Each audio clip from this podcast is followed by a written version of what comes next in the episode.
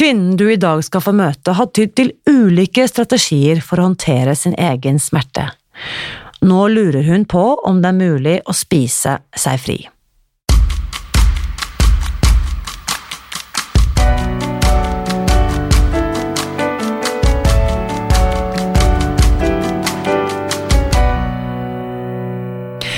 Hvis man skjønner at det er mulig å bruke mat som et rusmiddel, eller som et effektivt middel for å døyve smerter, er det kanskje ikke så overraskende at matmisbruk også kan føre til alvorlige skader. Det har Liv fått kjenne på kroppen. I dag skal du få høre hennes historie. Først vil jeg gjerne ta, til, ta, med en tilbakemelding fra en lytter som skrev dette etter å ha hørt intervjuet med Marianne Helene for noen uker siden. Irene skriver Fantastisk å høre deg fortelle din historie. Måten du snakker om hvor viktig det er å ivareta seg selv og følge linjene. Helt enig. Du traff meg i hjertet, og jeg ble veldig motivert av deg, Marianne Helene. Så takk for denne tilbakemeldingen, Irene. Det er jeg sikker på at Marianne Helene også setter stor pris på. Kjære Liv, jeg må jo bare si takk for at du er så modig, at du rekker opp en hånd og hopper på denne livesendingen, eh, riktignok i opptak da, når dette blir sendt, men takk for at du er med her i dag. Bare hyggelig. Kjempe, kjempemorsomt, må jeg si. Ja, det, eh, altså, vi, har aldri, vi har jo aldri, snakket sammen før nå, for to minutter siden, når denne samtalen begynte. Rett før vi satte mm. på record. Så eh, da du begynte å fortelle, så sa jeg stopp, stopp, ikke si noe! Vi må, vi må sette på trykke record-knappen først. Fortell litt om deg selv, eh, Liv. Jeg vet jo, jeg har jo ringt et svensk telefonnummer for å få tak i deg. Vi, du er jo ikke her i studio, men du er jo på, på, på linje. Men fortell litt uh, om deg selv. Ja, jeg er 52 år. Eh, og har bodd eh, i Sverige i veldig veldig mange år. Jeg flytta til Sverige i, eh, ja, når jeg var 18 år. Og så fant jeg kjærligheten, så da ble jeg, ble jeg her og har fire barn. Og ja, trives veldig godt i, i Sverige, da. Men det er, det er veldig rart. Jeg, jeg prater ikke så ofte norsk, da. Eh, og jeg har jo familien min i Norge, og de sier jo alltid at Liv prater norsk, sier de når jeg tror jeg prater norsk. Da. Så det blir sikkert ikke rein norsk når jeg prater med deg. Nei, men Dette det er veldig morsomt, fordi at når vi startet samtalen for ja, nå tre minutter siden, så snakket du mye mer svensk enn det du gjør nå. Så det høres ut som du er på vei inn i Ja, ja. Det er liksom et sånn, en overgang der. Mm. Nettopp. Um, ja. Svorsking, det lever vi godt med. Uh, ja, i her. Norge forstår jeg det, at det er veldig vanlig. Det gjør vi, ja. så det er mm. fint. Så du er opprinnelig fra Norge? Ja. Hvor i Norge er du fra? Fra Akershus.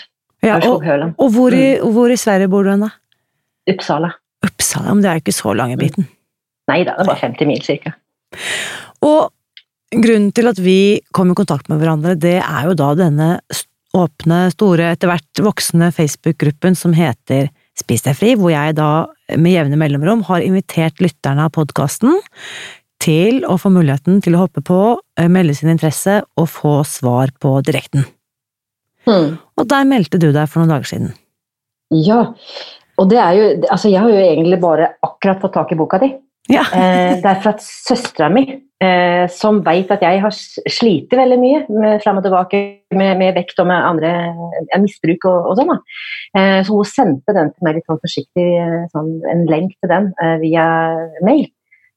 Og da ble jeg så nysgjerrig, og så begynte jeg å høre på boka di. Og så da, du vet, da går jeg all in.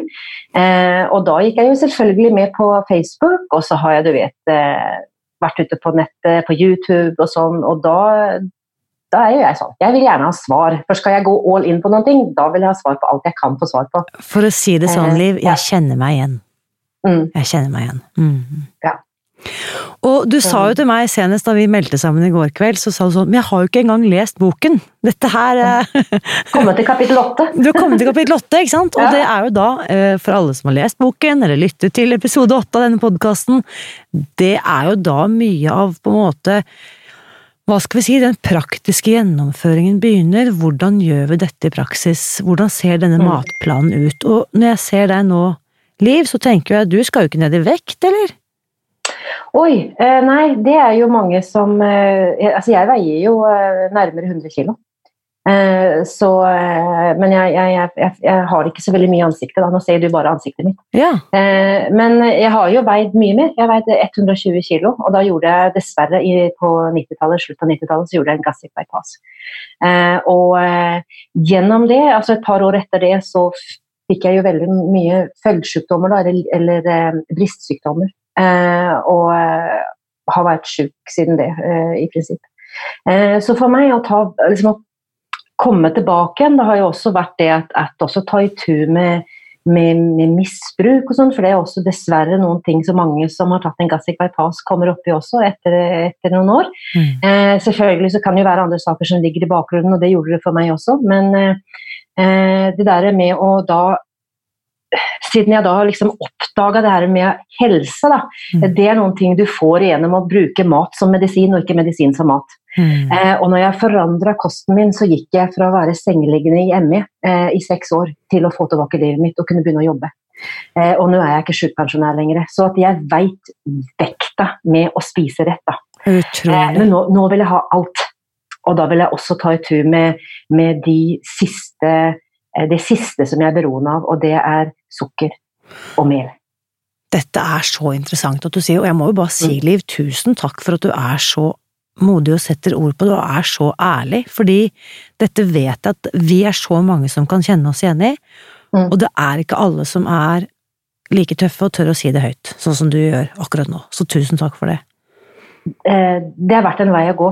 Men du vet at eh, skal man bli fri fra saker, så er man nødt til å tørre å prate om det.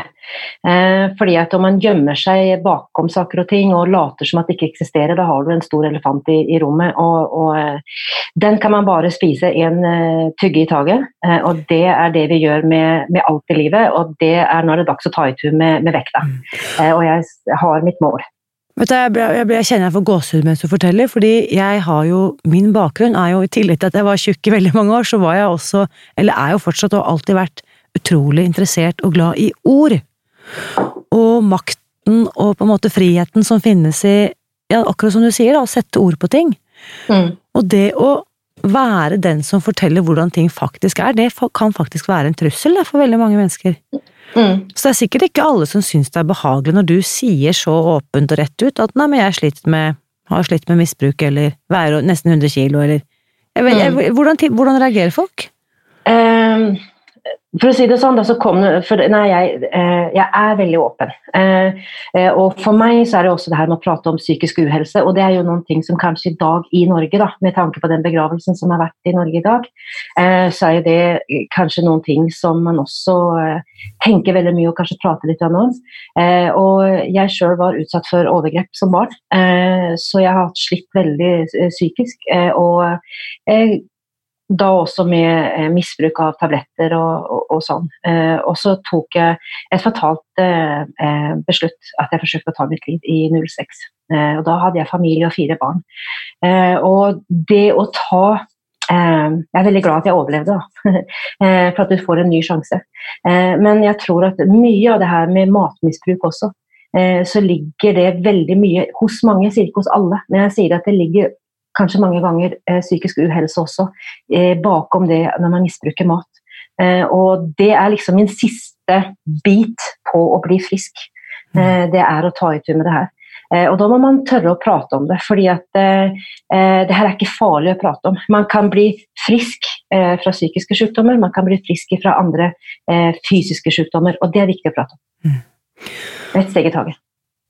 Og jeg igjen må bare si at det den historien du forteller, det er også utrolig nok, og tragisk nok på mange måter, ikke en unik fortelling. Hadde det bare vært deg, så kunne vi sagt at herregud, det må vi sørge for at aldri skjer igjen, noe annet barn, men sannheten er jo at du er jo langt fra den eneste som har opplevd overgrep, enten det er i form av fysisk eller psykisk overgrep som ikke er greit å gjøre mot et barn. Og jeg vet også selv i å bli utsatt for grenseløs atferd, eller det jeg tenker på som eh, dysfunksjonalitet, da, enten det er på den ene eller andre måten. Måten jeg trøstet meg selv på, var jo også gjennom mat. Mm. Uh, og andre i familien uh, hadde jo andre strategier for å døyve egne følelser. Og jeg har også nære pårørende som har slitt med rus i mange år. Mm. Så jeg tenker jo at disse strategiene er jo ting vi griper til for å ta vare på oss selv. Mm. Så jeg er jo den siste som stiller meg i rekken av de som skal fordømme verken narkomane eller alkoholikere eller pillemisbrukere eller matmisbrukere. Jeg er jo en av dem. Jeg identifiserer meg selv som en mm. misbruker mm. fordi at det var det beste jeg hadde tilgjengelig for å ta så godt som mulig vare på meg selv, når jeg ikke hadde noen andre verktøy eller ordentlig voksne å snakke med. Mm. Og det er derfor som jeg da, når jeg så denne boka, da, så blei jeg så veldig glad, fordi at jeg har lært meg veldig mye de siste årene når jeg begynte å bli frisk, og det her med personlig utvikling og uh, alt dette. For det var også noen ting som jeg så som en liten rød tråd i boka. Da, at det handler ikke bare om det her med å, og nå skal vi ta en slankekur. Det handler om en forandring i hvordan du uh, lever hverdagslivet ditt. Og det her med takknemlighetsdagboka og, og femårsdagboka. Altså det her at, det, at, på noe vis at man, man, tar inn det her med det mentale eh, og, og, det å vokse sjøl som menneske, da, samtidig som, eh, som, det å forandre på, på, kosten. Det var det som jeg liksom syns var så fint, for det, det, er veldig viktig for meg. For det er eh, eh Jeg tror det er veldig viktig at man gjør eh, både og, og yes. ikke bare det ene. Nå har jeg eh, to gode nyheter til deg. Mm. Fordi du sa jo også til meg du, Jeg vet ikke helt hva jeg skal spørre om, for jeg har jo ikke engang lest ferdig boken. Og så sier jeg sånn. Mm. Så tenker jeg uh, umiddelbart tenker jeg at du er jo en perfekt kandidat å snakke med og svare på spørsmål til, fordi at du har ikke gjort opp masse meninger allerede. Det er mye, mye verre med de som har holdt på et par år og tror de vet mm. hva de holder på med, men har funnet sin egen løsning. Det er på en måte ofte Jeg skal ikke si at løpet er kjørt, det er det aldri, men du kommer hit med på en måte et åpent sinn og en nysgjerrighet. Det tenker jeg er bra utgangspunkt. Og så er det den gode nyheten. Det er nemlig det at eh, ut fra det du forteller, så hører jeg at du har gjort en god del arbeid i forhold til indre prosesser og mentale strategier og dette med å håndtere egne følelser, og at det handler om ikke sant, mangel kanskje på kraftfulle nok verktøy da, ikke sant? Mm. På å få ta i tur med misbruket på, i forhold til mat. Og der er det altså, siden du allerede har gjort et solid stykke grunnarbeid i forhold til annen type misbruk, så er det et meget godt utgangspunkt, for du skjønner hva det handler om, at sukker bare er et substitutt for noe annet. Er du mm. med på tanken? Mm. Og, ikke, og, ikke, minst det du sier om takknemlighet og oppmerksomt nærvær og sånn, det er jo det som er løsningen på veldig mange av disse utfordringene. Og så er det dette med at du har bakgrunn som slankeoperert, eller da med gastric bypass tilbake i 2006, var det det? Nei, 97. 1997, du sa nettopp på slutten av 90-tallet. Mm. Mm. 1997, så det er altså nå 23 år siden. Mm. Kan du skjønne det når jeg bare er 25 år? Men ja, så er det. Mm. Og det er jo egentlig litt um, En av de andre jeg har intervjuet i denne podkasten, det intervjuet ble sendt 2. februar, altså ikke så lenge siden, så det kan du uh, scrolle tilbake til hvis du som hører dette, uh, gå tilbake til 2. februar, hvor vi da intervjuer fedmeforsker Siren Nymo.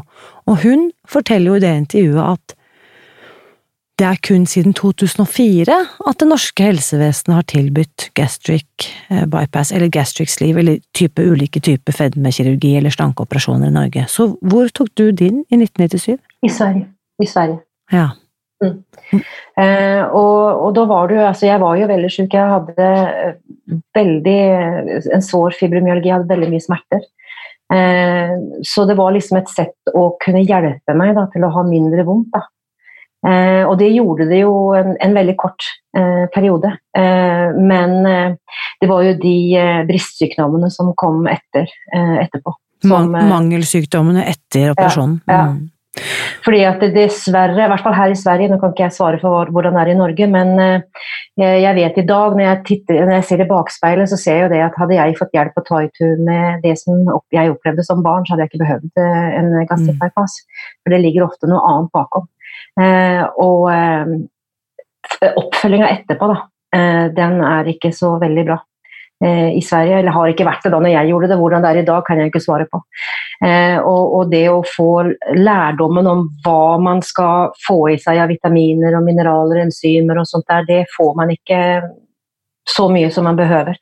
Eh, og da blir det brystsykdommer, og da, da skjer det saker i kroppen som er veldig ja, Det, det, er ikke noe godt for kroppen, for å si det sånn. Så um, den andre gode nyheten er jo at det er mange som har tilsvarende bakgrunn, som mm. har gjennomgått slankeoperasjon.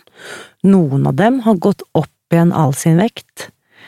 Flere har gått opp igjen delvis, en, altså en god del av den opprinnelige vektnedgangen. Og noen har ikke nødvendigvis gått opp igjen i vekt, men de har likevel ikke følelsen av at de har spist seg fri. Så selv med den bakgrunnen og det begrensede magevolumet som følger av en gastric bypass, så er det fullt mulig å legge om til dette kostholdet. Mm.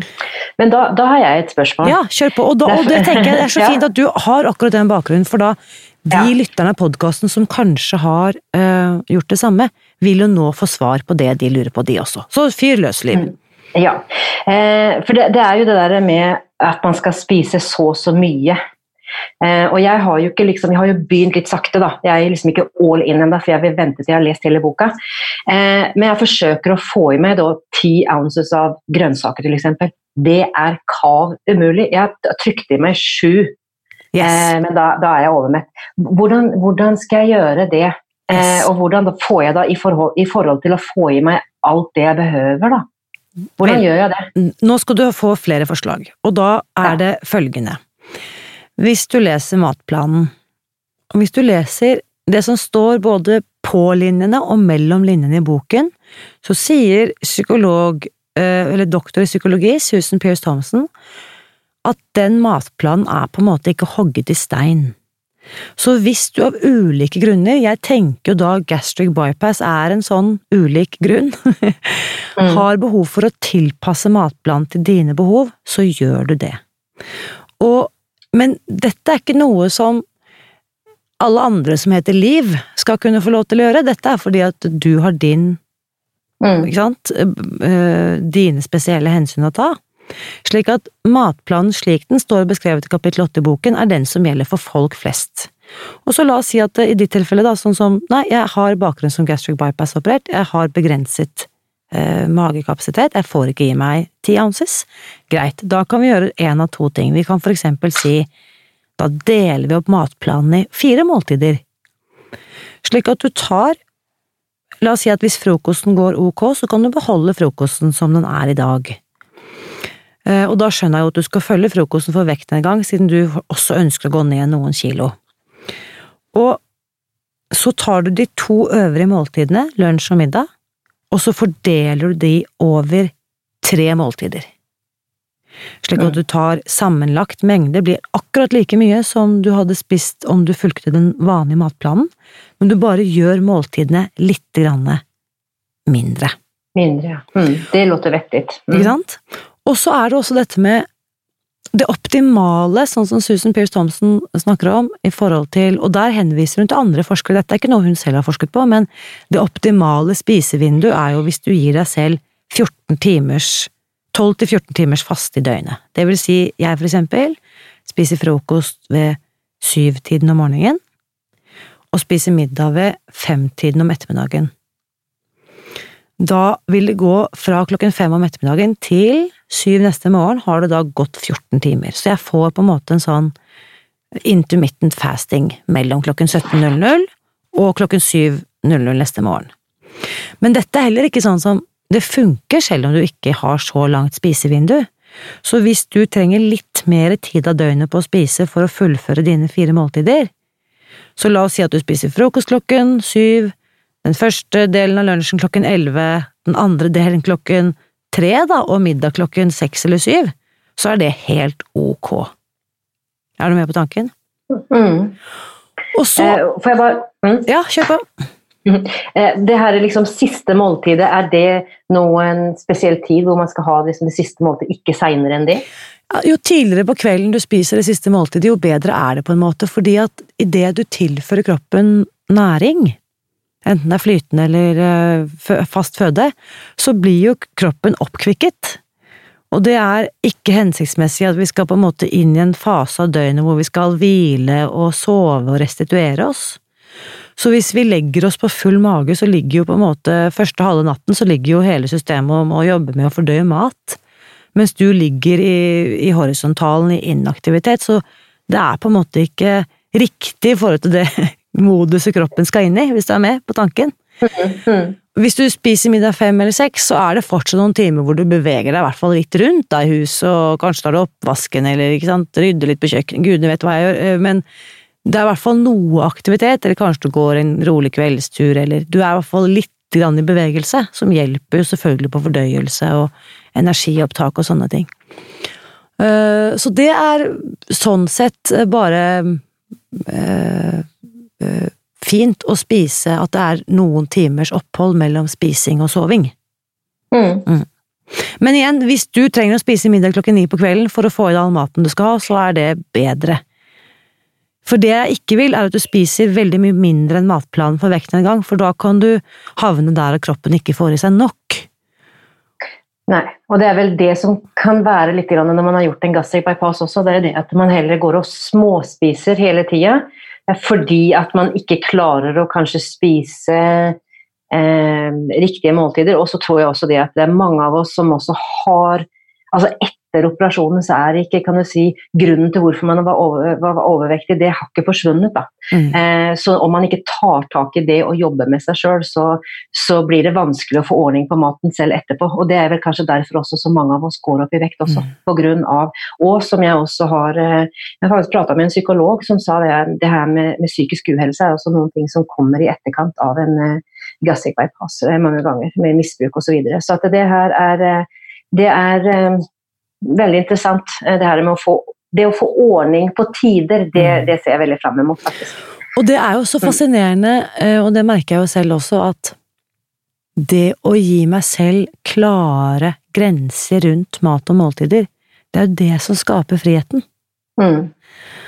Som jeg skriver i um, forordet til denne nye boken, det er jo nettopp i all tiden mellom måltidene at jeg lever livet mitt, at det er der friheten finnes.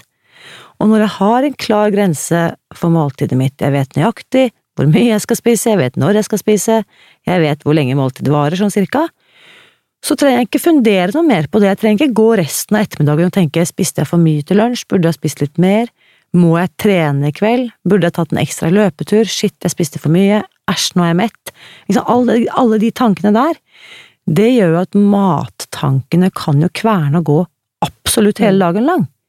Men det slipper jeg, når jeg har klare grenser rundt mat og måltider.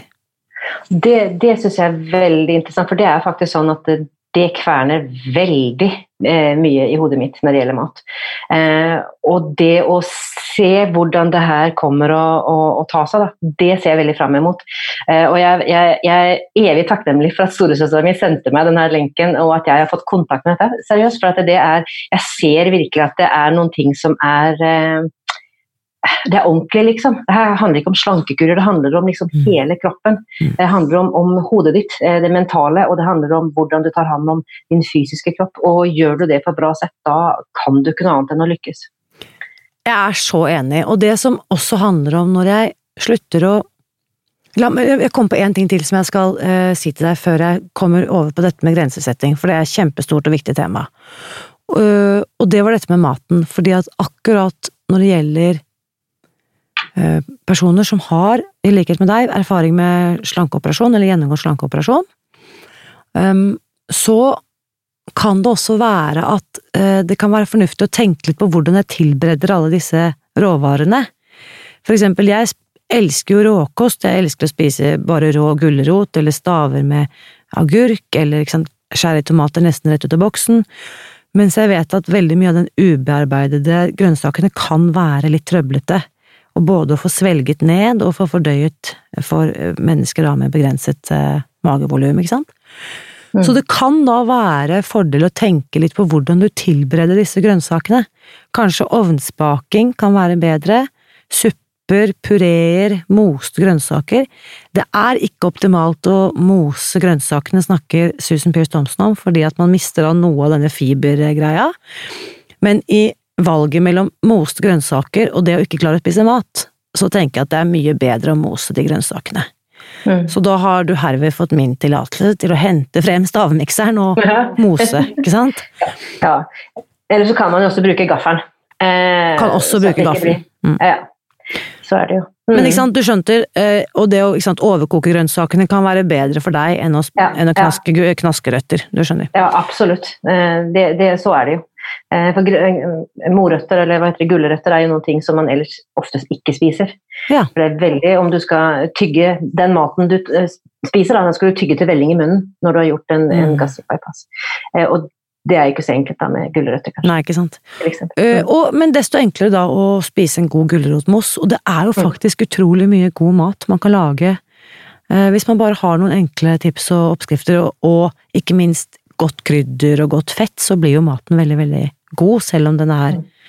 sant, most eller kokt. Mm, men angående fett, da. Ja. da. Da har jeg et spørsmål angående For der er det ganske lite Eh, i, i kostplanen eh, med fett. Eh, og for meg da, så var det jo en av det som ga meg helsa tilbake, det var jo det at jeg begynte å få i meg en bra omega-3.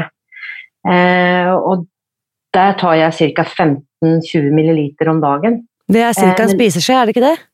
Ja, en liten stor, litt større spiseskje. En større mm. spiseskje. Mm. Vet du hva, jeg tenker at med den historikken du har beskrevet, og jeg vet at du har helt sikkert fått god oppfølging av helsepersonell på ulike tidspunkter i livet ditt, Altså noe, i hvert fall, i forhold til øh, øh, operasjonen du har gjennomgått og sånne ting. Og omega-3 fettsyrer er kjempebra, så jeg tenker at du kan fortsette å ta det som din medisin. Mm. Uh, og jeg tror også da at uh, Jeg tror ikke du da vil finne på å tenke sånn Nei, men nå fikk jeg lov til å ta omega-3, da kan jeg godt ta oppi to ekstra spiseskjeer med rømme også i denne sausen. Det er jo ikke det vi snakker om, vi snakker da om en spiseskje omega-3-fettsyre som medisin, helt ok, mm. i tillegg ja. til kostplanen. Mm. Ja, ikke sant. Mm. Ja, nei, fra, fra, det å spise 24 tabletter eh, per døgn for å orke å ligge på sofaen, så er det en spiseskje omega-3 er jo eh, en ganske stor fordel. Da.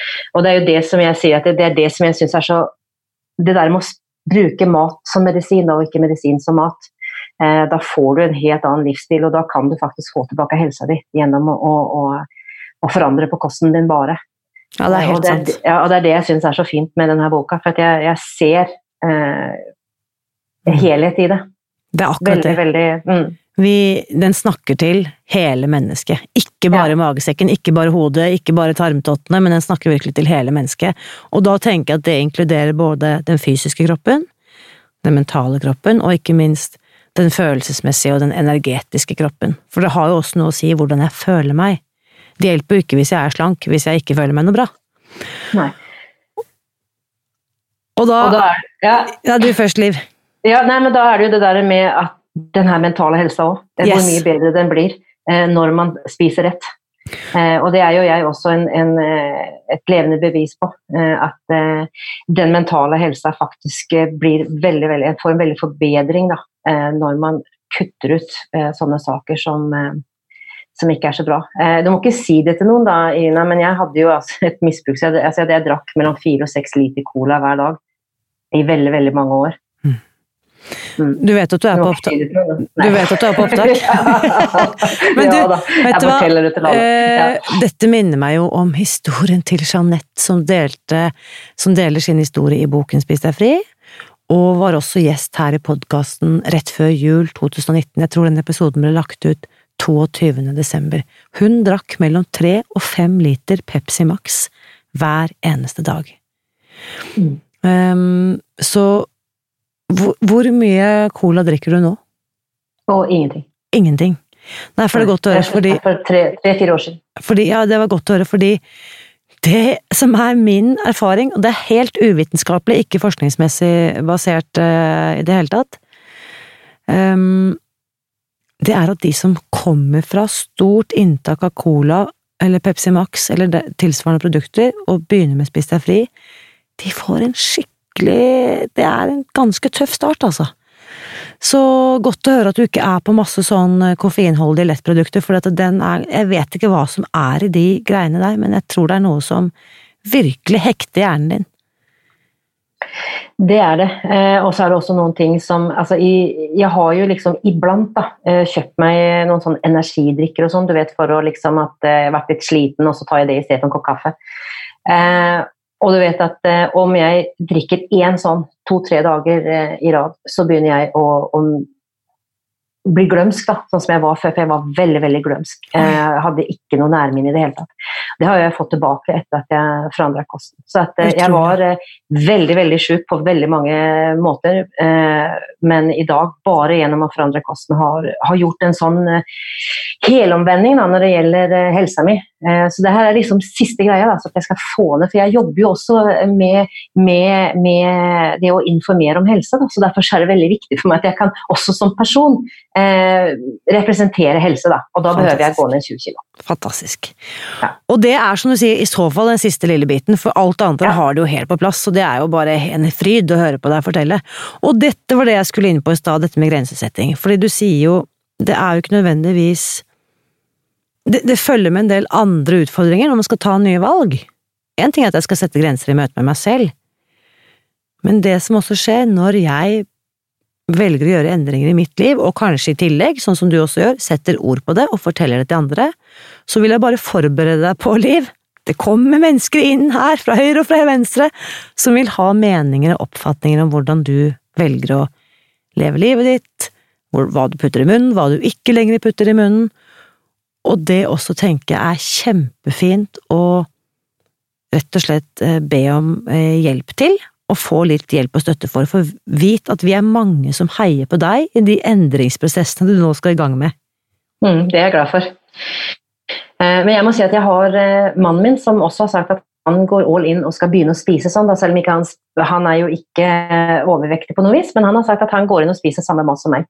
Eh, så det er bort med brød på morgenen, og, jeg gjør de her fine rundstykkene, og, og, og han Og så har jeg søstera mi som føder, som ga meg eh, lenken, eh, så vi også har kontakt. Så det syns jeg også er viktig, det å, å, å ha nære eh, støtte. Eh, sånn, og det har jeg. Eh, men eh, siden jeg bor Sverige, da, Irina, hvor finnes det noe sånn her spis deg fri-miljø i, i Sverige?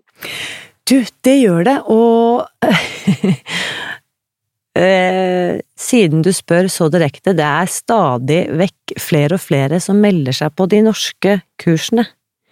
Mm. Så um, nå som jeg i slutten av uh, februar, eller da det vil jeg kanskje egentlig si begynnelsen av mars 2020, setter i gang et nytt kurs, så vet jeg allerede at det står flere svensker på den ventelisten for å være med der.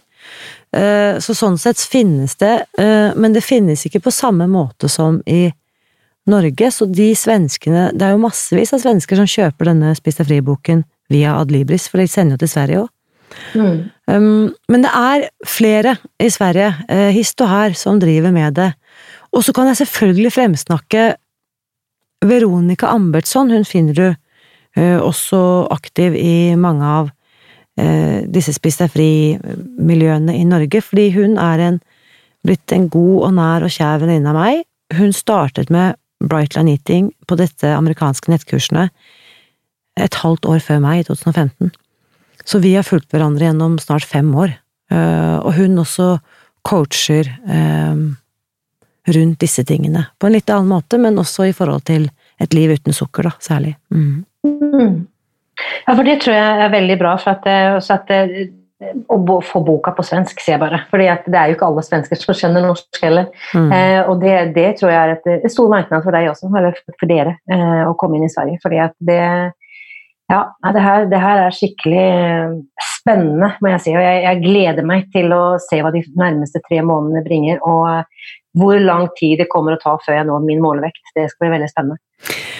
Ja, og det er jo også noe som er Jeg vet, og det skjønner jeg, Liv, at det er mål... Uh, unnskyld, vektnedgang som er motivasjonen. Og så håper jeg også at underveis at du også registrerer alle de ikke-vektrelaterte um, gevinstene du opplever underveis. Kanskje til og med føre en liten dagbok med i dag opplevde jeg dette, eller i dag kjente jeg på dette, eller i dag endret Det er faktisk sånn som er fort å glemme når man har holdt på en stund. Maten smaker annerledes etter 14 dager, fordi at det tar to uker, så er alle smaksløkene i, munnen, smakscellene, er endret, skiftet ut. Det er stor slitasje i denne munnhulen vår, og etter to uker så smaker da maten helt annerledes når du ikke lenger tilsetter sukker i kosten din. Og det er jo en gevinst. Jeg var jo ikke klar over det i det hele tatt, og plutselig så smakte jo for eksempel av gulrøttene kjempegodt og søtt, så det var jo helt ikke-vektrelatert kjempebonus. Ja, og det er noen ting som jeg tror vi som har gjort en gassbypass, det blir jo liksom at mat blir bare noen ting du er nødt til å spise. Eh, det er nødt til å få i deg for å, for å leve, liksom. Eh, og ikke Ja, det er ikke noen nytelse med, med maten, da.